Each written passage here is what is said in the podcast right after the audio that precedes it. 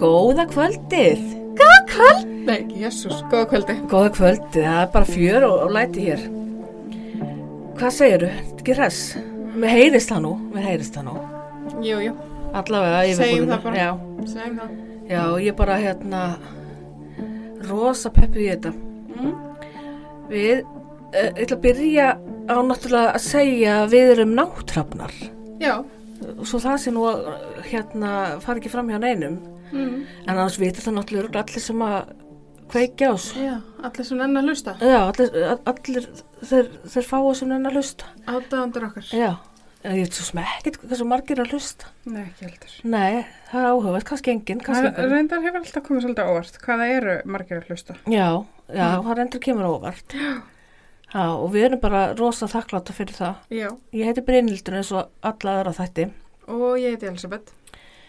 Og mig langar að minna á hérna samfélagsmiðlan okkar. Mm. Við erum á Instagram sem náttrafnar Mm og við erum með hóp á Facebook sem er reynda bara ekkert virkur bara nokkra hræður í honum en það er kannski einhvern tímann skapast áhugi fyrir fyrir því að, að hérna, fyrir fólk að fara inn og, og skrafa eitthvað, maður veit ekki Að ræða, að ræða máli. ræða málin svo erum við með hérna like síðu og bara mjög lítið virkan Twitter aðganga, það er bara gott að vera með angan alls staðar sko Segðu. Þannig við setjum inn myndir frá þáttunni sem við, við setjum í loftið, setjum inn á samfélagsmiðlana, þannig hægt er að sjá,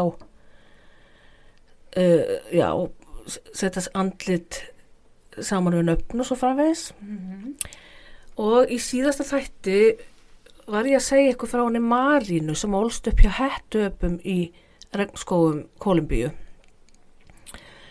Uh, og það kveður við annan tón núna vegna þess að nú er hún komin úr regnskóðunum og ég mæli með því ef þið eru ekki búin að hlusta fyrir hlutan að stoppa núna og fara og hlusta á þann hluta áður en að það haldi áfram Já, svolítið glata að hlusta bara á setni hlutan. Já, af er það ekki? Jú, Ha, algjörlega. þá svolítið byrjunina Já. en ég bara segi bara í stuttu máli að hún Marína var numina brott af mannveru þegar hún er alveg að verða fimm ára og skilin eftir uh, mitt inn í, í regnskóum og þar ólst hún upp cirka næstu fimm árin uh, meðal hættu apa og var bara svolítið eins og api í, í, í háttum og sérst núna er, er hún komin út úr skóginum en það var bjargað af- veiðumönnum eða bjargað, ekki bjargað, hún er allavega tekin þarna uh, út úr skóginum af veiðumönnum sem voru að- að neppa dýr í, í, í hérna uh, hald eða, eða eitthvað svo les Mhm. og er komin inn á heimili hjá eldri konu sem heitir Anna Carmen og fer alveg ágafleita með hana. Hún er bara komin í þrældóm þar. Þannig ég ætla bara að halda áfram í sögun uh, dag einn þegar Marína er komin einmitt til hennar ön- önnu Carmenar þá er hún dregin inn í herbyrgi þar sem að stóð stórt ílát á gólfinu sem myndi helst á pott. Og í þessu íláti var vatn og hjálpuðus konurnar eh, Anna Carmen og, og einhverja þessu konum sem byggu hjá henni við að koma Marínu þar ofan í og auðvitað Marína alveg bara frávita hræðslu veit ekkert hvað er gangi og held bara raunverulega ætti að fara að elda hana Jésús. og hún er strókin með eitthvað stykki sem hún vissi ekki þá að var sápa Mm. uh, og hún andaði sest, uh, tölvöld léttar hún Marína þegar hún er tekin upp úr pottinum uh, og var mjög sátt við það að hafa ekki verið elduð í gegn Já. Og henni tróði í föt sem hann að klæjaði undan og var allt og heitt í og hún alltaf var ekkert vön að vera í einhverjum flíkum þessu tímabili. Nei, og eins er hún sett í skó sem hún átti mjög erfitt með að ganga í var klunnalegi reyfingum og hæga á sér. Og enda með hún var bara tekin úr þessum skóm því hún kunni ekkert að ganga í skóm. Hárið hennar var einnig klift og greitt svo að nú var ekki sjá á henni að hún hefði verið í regnskójunum í öll þessi ár og Marín átti erfitt með að aðlagast lífinu hjá önnu Carmen það að vera tannbustu var eitthvað sem var mjög framandi og allt brauði sem hún fekk að borða var eitthvað sem hún var ekki vön úr regnskóginum Hún skildi ekkert í daglega lífinu og fekk yfir sig endalösa skammir og skammirna voru svo miklar að tímabilið hélt hún að hún héti Stupito því það var það sem var gargað á hann á tímunum saman. oh my god. Hún var látið þrýfa heimilið og lærði fljótt tökin á því. Uh, hún kunni með þess að bara vel við þessi þrýf. Og hjá önnu karminu voru marga konur og börn og, og Marína skildir en ekki hvað uh, þau voru alltaf að gera þarna. Uh, hún átti líklegast að vera einhvers konar þjónustu stúlka hjá henni önnu karminu Já, bara þrætt. Já, en akkurat, hún upplýði sér bara ekkert annað en þræl sem fekk engur ráða og var endurlust sagt fyrir verkum. Hún var vantilega ekki fengið neina peninga, þannig að Nei. þá var hún bara þrætt. Hún er bara þræl. Og hún þorði ekki að flýja því hún vissi ekki hvað tæki við þá. Og eina sem Ma Marínu langaði var að vera samþygt af önnu Carmen og hinum konunum af því það var eitthvað sem hún upplýði aldrei í skóginum. Þannig hún var raun alltaf að sækist eftir samþykju og var að vonast þess að að fá það mögulega þarna. Og nú ætla ég að koma með trigger warning því ég er að fara að fjalla þessum ofbeldi. Ef þið treystið ykkur ekki til að hlusta það, skulle ég skipa um svona 30 sekundur. Anna Carmen pyntaði Marínu reglulega.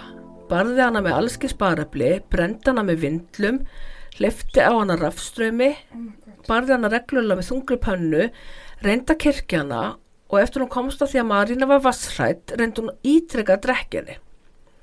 Marínu fannst hún ekki geta gert neitt annað en að býða af sér stormin því einst inni kendi hún sjálfið sér um þessar aðstæður. Það var ju hún sem opinberaði sér í skójunum, gagvart veiðikonunni og kom úr felum. Þetta er bara eins og flestir þólendur ábyldis Já, kenna sér oft um. já. Þetta er alveg ríkalegar aðstæður þetta sem að, að Marína er komin í. Hún er þarna cirka tíjar og gömul búin að upplifa það að vera halva æfina bara föstin í hérna skójunum, já, eða heyrst mjálma þá er, Hvað köttur er verið það fyrir utan? já, vill fá að vera með. Mjá. En já, Marína upplýði sig ekki sem, sem hluta mannfólkinu. Hún gæti ekki haft samband við fólki gegnum tungumáli því hún gaf enn bara frá sér apahljóð. Uh, hún gekk ekki almennilega upprétt og þegar hún var ekki hreyfingu átti það til að vera hægjum sér og þá sérstaklega út í hornum því þá gæti hún verið vissum að það var engin hætta bak við hana. Þegar hún var utan dýra átti hún það til að fela sig á milli trjána af sömu ástæðum. Og í hvert skipti sem Anna Carmen greip hana við svona hegðun refsaði hún Marínu. Og matatímatni voru vestir því að Marína áttaði sig mjög illa á borðsíðum. Hún greip alltaf matin að disknum og hljóp með hann að rólega stað þar sem hún gott borðaði felum. Því hjá öpunum hefði hún þurft að sérst, borða í skjóli svo apatni myndi ekki ræna af henni matnum. Já, þurfti bara að passa upp á sig. Já. Uh, og Marína skildi heldur ekki hvernig rúm virkuð og fór alltaf undir það alltaf að sofa í skjóli Mm. og sömu sögu var að segja með klósett og hún var ekkert kynnt fyrir klósettinu um leið og hún kom til önnu Carmen og kunni ekkert á það, vissi ek, bara vissi ekkert að klósett var til. Þannig að hún fór alltaf út í garð og gerði stikkin sín í runnunum. Hún var svo gripin af önnu Carmeni daginn sem vildi hún tæki kúkin upp eftir sig en Marínu fannst það óskiljanlegt og endaði með að grafa yfir hann mold. Og þá var hún gripin af önnu Carmen og annar konu sem bjó hjá henni og temdi henni á baðherbyggi og þar var henni kent að nota klósettið en hún held samt alltaf áfram að laumast út í runna því hún skildi ekki þetta ferlíki sem klósettið var. Það var bara svo framandi fyrir henni. Og með tímanum fór Marína að skilja betur talamál og lærði það að hún var stödd í Kólumbíu. Fyrst komu orð og orð, en svo fór hún að skilja setningar og fljótlega uh, náð, átt á hún sig á því að henni hefði verið gefið nafni Gloria. Því það var ítrekka sagt og potað í hennar. Og þarna, þú veist, Marína myndi ekkert hvað hún hétt áður, þannig að hún var bara að vera nafnlaus í rauninni bara alla tíð eftir að, að samkvæmt hennar minni, þannig að þannig er hann alltaf komið með eitthvað nafn. En ég ætla að halda áfram að kalla hana Marínu, þess að ruggla okkur ekki rýminu. Og Marína var senda á markaðin reglulega til að kaupa í matinn og hann kom aldrei til hugar að strjúka. Lífina gekk út að það nálgast mat all daga og hún vissi að ef hún færi myndi hún svelta þegar hún geti ekki afla sér matan og í skóginum. En Marína fór að stelast út þegar Anna Carmen sá ekki til og fór þá að fylgjast með öðrum börnum leika sér en hann var aldrei búið að vera með og bara strýtti ef eitthvað var en það passa hún illin í hópin hún gætt ekki gengið auðvitað upprétt að hlaupið um þessu hinn börnin og hann ennþá bara svolítið í, í apastöðunni sko og mánuðinni liðu og Marín áttaði sér sífælt betur á lífinu hjá önnu Carmen. Þar bjöku margar konur og stundu voru þar líka börn en þau voru ek- ekki mörg og svo hurfu þau alltaf eftir einhver tíma. En Marín grunnaði að fatlaða barni sem bjóð þarna væri afkvæmi önnu Carmenar því það fekk alltaf að vera áfram í húsinu meðan önnur börn hurfu. Svo var líka maður sem byrtist reglulega heimilinu og hann virtist eiga í einhverju samneiti við önnu Carmen stundum gist hann inn í á henni en stundum út af verund og hann hraut óulega og einan nóttunni fekk Marína alveg nóa því svo hún laumaðist niður og held yfir hann klökum til að þakka niður í honum svo sta bara stakk hún af- aftur upp í rúm. En það var alveg strax vita að hún hefði gert þetta því að það bara kom ekki annar í húsinu til greina. Þannig að henni var refsað harðilega fyrir fyrir þetta. Og Marína öfundaði börnin í húsinu fyrir það atlæti sem þau fengu að því að þau fengu stundum eitthvað sem mynda ást en hún upplýði enga nánd eða ástúð sjálf. Hann skorti sárlega að finna fyrir því að vera elskuð enda hafði hún alist upp án allra ástar og viðurkenningar sem hún hafði alltaf haft þarf fyrir meðal apana bara svo helbett þurfa. Já, guð hvað ég finn til um henni. Konullar í húsinu máluðu sér reglulega að gerðu sér fínar, eiginlega daglega að því er Marína taldi. Það fengur svo menn í heimsók sem lokuðu inn í herbyrgi með þeim. Og Marína skildi ekkert hvað var í gangi. Uh, hún átti það til að stela sér til matar þegar hún fór á markaðin. En það var aldrei gert neitt veður út af því vegna þess að hún var líka að kaupa mat og þá grætt grættu kaupminnir hvort þið er á henni. Þannig að það var bara svona litið framhjóði hún var, væri að hnupla sér líka til matar. Mm. og eitt sinna leið á markaðin var hún stoppið á nágranna konu sem hafði alltaf sínt henni gæsku. Konan bauði henni að koma inn. Og þarna var Marína fann að skilja meira í tungumálinu. Konan talaði þó hægt þegar hún útskýrði fyrir Marínu hvað væri gangi heima hjá henni Hún útskýrði það á einfaldan hátt með myndlíkingum og líkti konunum við kjöt sem væri verið að- falast eftir. Konan varaði Marínu við að fljótlega myndu menn fara að leita hana vegna þess að hún væri mögulega rétt tegund kjöts fyrir þá. Aha. Á einfaldan hátt reyndi hún að útskýra fyrir Marínu að það færi fram kynlífsvinna á heimilun hennar og það kemi fljótlega að því að hún er því látið starfa við slíka yðju. Hún kvatti því Marínu til að strjúka af heimilinu fljótt og hún gæti. Hvað það er gott hún Já, var hann við. einn daginn er Marína svo rölt um bæin þegar hún hittir eina af konunum sem bjó hjá önnu Carmen. Konan hitt Lólíta og hún var inn í bíl með ókunnugu manni. Þau buðu Marín að koma með sér í bíltúr sem endaði ekki betur svo að þau lendi í alvarlegu bílslisi. Lólíta og maðurinn letu lífið og, og en Marína vaknaði nokkundu síðan á sjúkrahús og vissi ekkert hvað hún var. Hún var bara mjög alvarlega slösu og reynir bara heppin að hafa ekki látið lífið. Starfsfólk á sjúkrahúsinu reyndi að fá það upp úr henni hvað hún byggi og eitt andartak daðilaði Marína við það að segja ekki frá því. En hún gerði það endanum og var færið aftur heim til önnu Karmenar sem tók ekki vel á mótinni. Hún fekk barsmiðar á launum og var gjört ljóst að minnast aldrei á þá starfsemi sem átti sér stað heima hjá önnu Karmen. Eitthvað sem Marína hafði ekki talað um en það hafði hún svo sem enga skilninga á því hvað átti sér stað þarna. En þarna fór hún að átta sig á þeirri starfsemi sem fór fram þarna og skildi hvað átti sér stað bak við luktar dyr. Konurnar unnu bara á ákveðinu tímum mánaðarins og tóku frí enn á milli með að þær drukku eitthvað jurtasull og nuttuðu á sig kviðin. Stundur stækkaði mægin þeirra og þá hurfuð þær um tíma meðan þær fættu börn sem þær þurftu svo að gefa frá sér. Marína á minningar um að hafa séð auglýsingar í búðum þar sem stóð við seljum börn. Jesus. Já, en það virtist vera eitthvað sem var gert á þessu tíma fyrir allra augum. Men þetta er, ef hún er fættið kringu 1950 þá er þetta, þetta kringu 1960. Mm Fljótlega eftir slysið reyndi Anna Carmen að drepa Marínu. Hún batt hana og setti múla á hana, svo mar sótti svo marga hnífa og reyndi að stinga hana. Oh. Anna Carmen sagði að það væri ekkit gagna Marínu og það vildi hana enginn af mönnunu sem heimsótti húsið. Sem betur fer. Já, og svo hann var einskisverði og mitt í þessum átökum kom maðurinn hennar önnu karmennar inn alveg brjálaður. Þau Anna Karmin fór að slást eftir að hann losaði Marínu og það er þarna sem Marína hafði rauninni kjöri tækifæri til að flýja með að þau slóist en hún gerði það ekki Mm. því hún bara vissi hann fyrir ekkert hvert hún ætti að fara. Nei, nákvæmlega. Uh, Þegar hún var um 11 ára gömul lent hún í því að einn gestana í húsinu síndi henni aðtegli.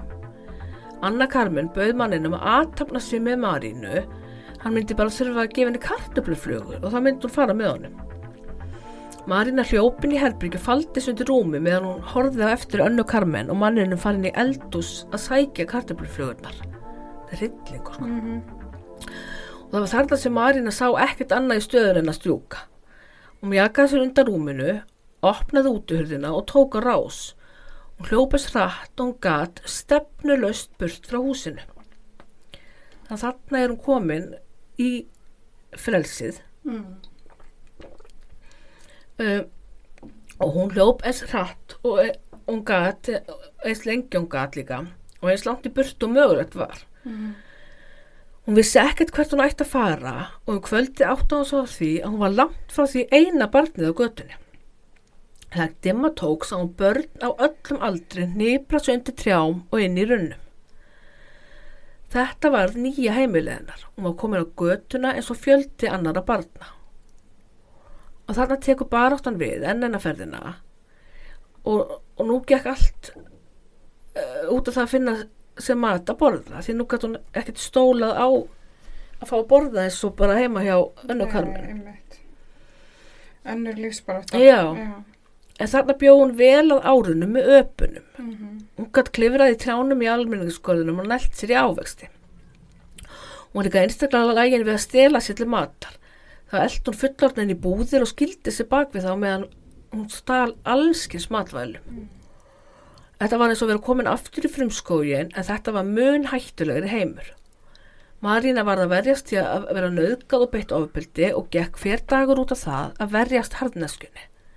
Hún tók eftir því að sumastúlkutar unnu við það sama á konundar hjá önnu karmen og reglulega fættist börn sem þekktu ekkert annað en að alast upp á götunni. Þetta er bara, þú veist, það eru hvað 11 ára gömul, bara svakalegt hvað hún er búin að lenda í á stuttri æfi. Þetta er rosalegt líf. Mm Dag eitt var Marína stoppuð á lögreglunni sem spurði hann á spjörunum úr. Þeir vildu vita hvað hún héti og vildi hún ekki nota nafni Gloria því hún vildi ekki tengjast önnu karmen á nokkun hátt. Nei, bara mjög gáðlegt. Endan og sagðist hún vera kallið Póni Malta af öðrum en það var þessi nafn á góðstir ekki kólubíu á þessu tíma. og þetta þótti löggunni brjálaðislega að fyndi. Það tók hana niður á lögreglustöð þar sem hún var meðal hann að spurð hverju foreldri hennar væru. Og því hún náttúrulega ekki svarað að sagðist að lokum hafa alist uppi öpum og þetta þótti lögreglumenninu sprengklægilegt og trúði ekki orðaði sem hún sagði. Hún ákvað því að tala ekki um þetta oftar. Hún var látið gista fangagemslunar, fekk að borða daginn eftir og var sleppt á götuna á ný. Og þarna lærði Marína að það væru ekki allir menn vondir því lögreglan bara kom bara þanniglega vel fram við hana. Lögreglan eldi hana um daginn eftir og, kynntu hana meðal annars fyrir veitingasta þar sem Marína gætt farið og fengið að borða. Þá fór hún í bakarinn þar sem þjónustu eða starfstúlka kom út og færði henni mat. Og það kom að því að Marína baðum að fá vinnu á þessu veitingastað en starfstúlka sagði það útilokað þar sem hún var svo skítug að staðnum er lokaði snarast ef hún kemi þar inn í eldús. En daginn eftir hitt hún Marínu bak við staðinn með eiganda veitingastaðarins. Henni bauðst að fara í sturt og klæðast fötum á dóttur eigandas og þannig gætu sint upp vaskju gólfþrifum í eldúsinu en hún mátti alls ekki láta sjá sig frammi í, í veitingasalunum. Fyrir þetta fekk Marína nóg að borða. Hún var alveg allsalt til að byrja með, hún var alltaf þreytt að kvöldin og, og alltaf vel nærð. Þannig að þarna var hún komið svona aðeins, aðeins betra líf. Öryggi, aðeins. Já. En svo kom að því að vinnan var þreytandi og myndi hann á þrældómin hjá önnu Carmen. Hún fjar, fjarlæðist líka þessu tíma hinn götubörnin þegar hún var aldrei með þeim og misti af öllu svefnplássunum þegar hún kom sent að kvöldi í garðin. Marina ákvað því að hætta að vinna fyrir sér og verða bara fullblón ný. Já, uh, og þannig var líf hennar næstu mánuðina. Hún var komin aftur í hörkuna sem fylgdi því að búa á götunni. Marina var hluti af gengi sem fórum allt og rændi til að komast af. Hún var mjög færi þeirri yðju og var vinsalt að fara fyrir þann fótboltaleikvang í borginni, stela miðunum af fólkinu þar og selja svo uppsprengtu verði. Og gengist það líka stöðumæla miðum að fólki sem var búið að greiða fyrir stæði og seldi svo bílastæði til örvendinga fyrir fólk sem var að flýta sér á leikina. Jólin voru góðu tími því þá fóru allar húsmaðurnar í verstunarleiðangur og gengið rændi þær og seldi varningin sem þær hafðu keft. Og Marínu dætti ekki til hugar að nota fíknefni sem flestir aðrir á göttunni voru að nota. Heppið Já. því henni fannst alveg nóg að þurfa að finna sér mat og gisting og svo myndi ekki bætast við að vera háð upp efnum. Þannig að það hefur bara verið algjört al, algjör lukka fyrir hana. Já, hún komst yfir búnað til að púsa skó og vann þannig fyrir sér einhver tíma eða þannig til að búnaðunum var stólið af henni Marína myndist þess að tíma sem mikils reyði tímabils og þannig hefur hún verið cirka 12-13 ára og var bara mjög reitt barn sem fannst lífi vera á móti sér bara skiljalega. Já, og þannig voru flest gödubörnin en það var líf þeirra þeim alls ekki létt.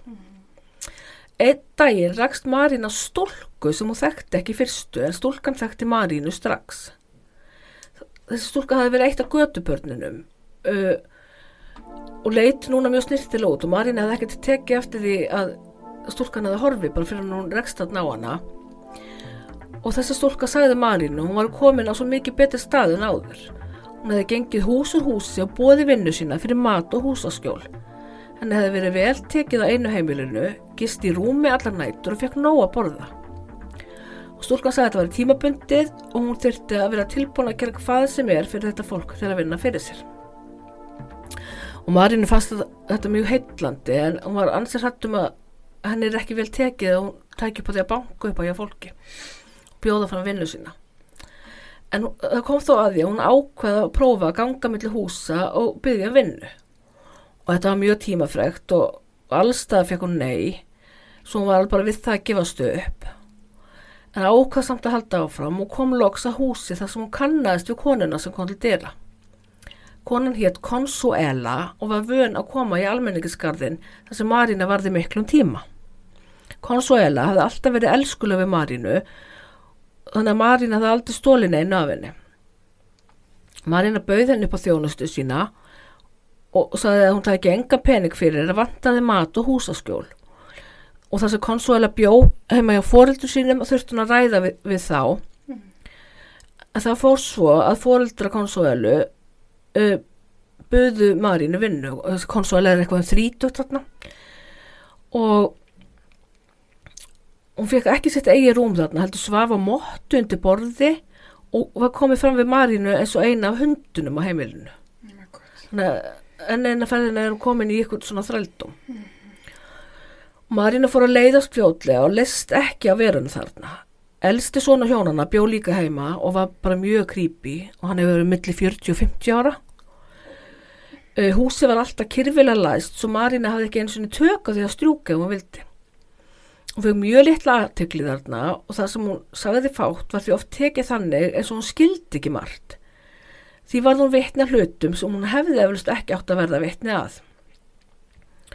Þessi fjölskylda voru glæpamenn og var elsti sonurinn partur á mafíu sem rupplaði rændi og drap fólk. Og það gerði Marínu enn hrættar við mannin og meðan hún bjóða þetta var hún vitni að mörgum skipulagsaðgerði mafíunar. Uh, Rósalva eins og Marína var kölluð hjá Santosjónunum bjófi heldur bákjör og var álitin eins og ég sagði á þann eina hundunum hún var með þess að bundin við stöyra eða matadallin þegar hún var ekki að vinna. Jésús. og hendi hana beinum og sama mat og var ætlaður hundunum hún syndi margvíslega störfum á heimilinu meðal annars að elda matinn. Og einn daginn þegar hún var sest, við þá yðju að elda kom herra Santosin í eldusið og var með svipa á andlitinu sem Marína þekkti frá tímanum hjá önnukarmen hann hafði greinilega kynferðislegan áhuga á henni herra Sant Santos fór að strjúka Marínu hér og þar en Marína endaði með því að slá hann með þungu eldúsáhaldis til að sleppa undan honum. En hún gæti ekki hlaupið út þar sem allt var harðlæst. Þannig hún faldi sig fyrir herra Santos þar til frú Santos kom heim. Og þá ætlaði hann að segja frú Santos alla sólarsöguna en auðvitað var herra Santos fyrir til og sagði henni eitthvað að liga þvælu um að hvað Marína var búin að vera löt og hefði ekki gert handtak allan daginn. Og frú Santos hlustaði ekkert á Marínu og veitist í raun vera sama hvað hún sagði. Annarkoð trúðin ekki eða bara ákvaða hlusta ekki á hana. Um Marínu langaði að strjúka en á sama tíma gæti hún ekki hugsa sér að gera það því að þá viss hún alltaf bara gata hann tæki við henni aftur og hann langaði alls ekki aftur þangað. Þess vegna letur sig hafa það að vera þarna áfram þar sem hún var áleitin vera dýr. Hún klifraði oft upp í tre í gardinum og hjekk það tímunum saman. Þannig kentist hún nágranna konu sinni henni Marúha. Marúha hafði, grei, hafði greinilega hugmynd um hvað gekk á hinum megin. Hafði eðlust hert Marínu gráta og verða fyrir barsmýðum. Þannig hún nálgast hann ekki við að tala bent við hana, heldur fór varlega notu þær kvísl og sitt eigið fingramál til eigið samskiptum.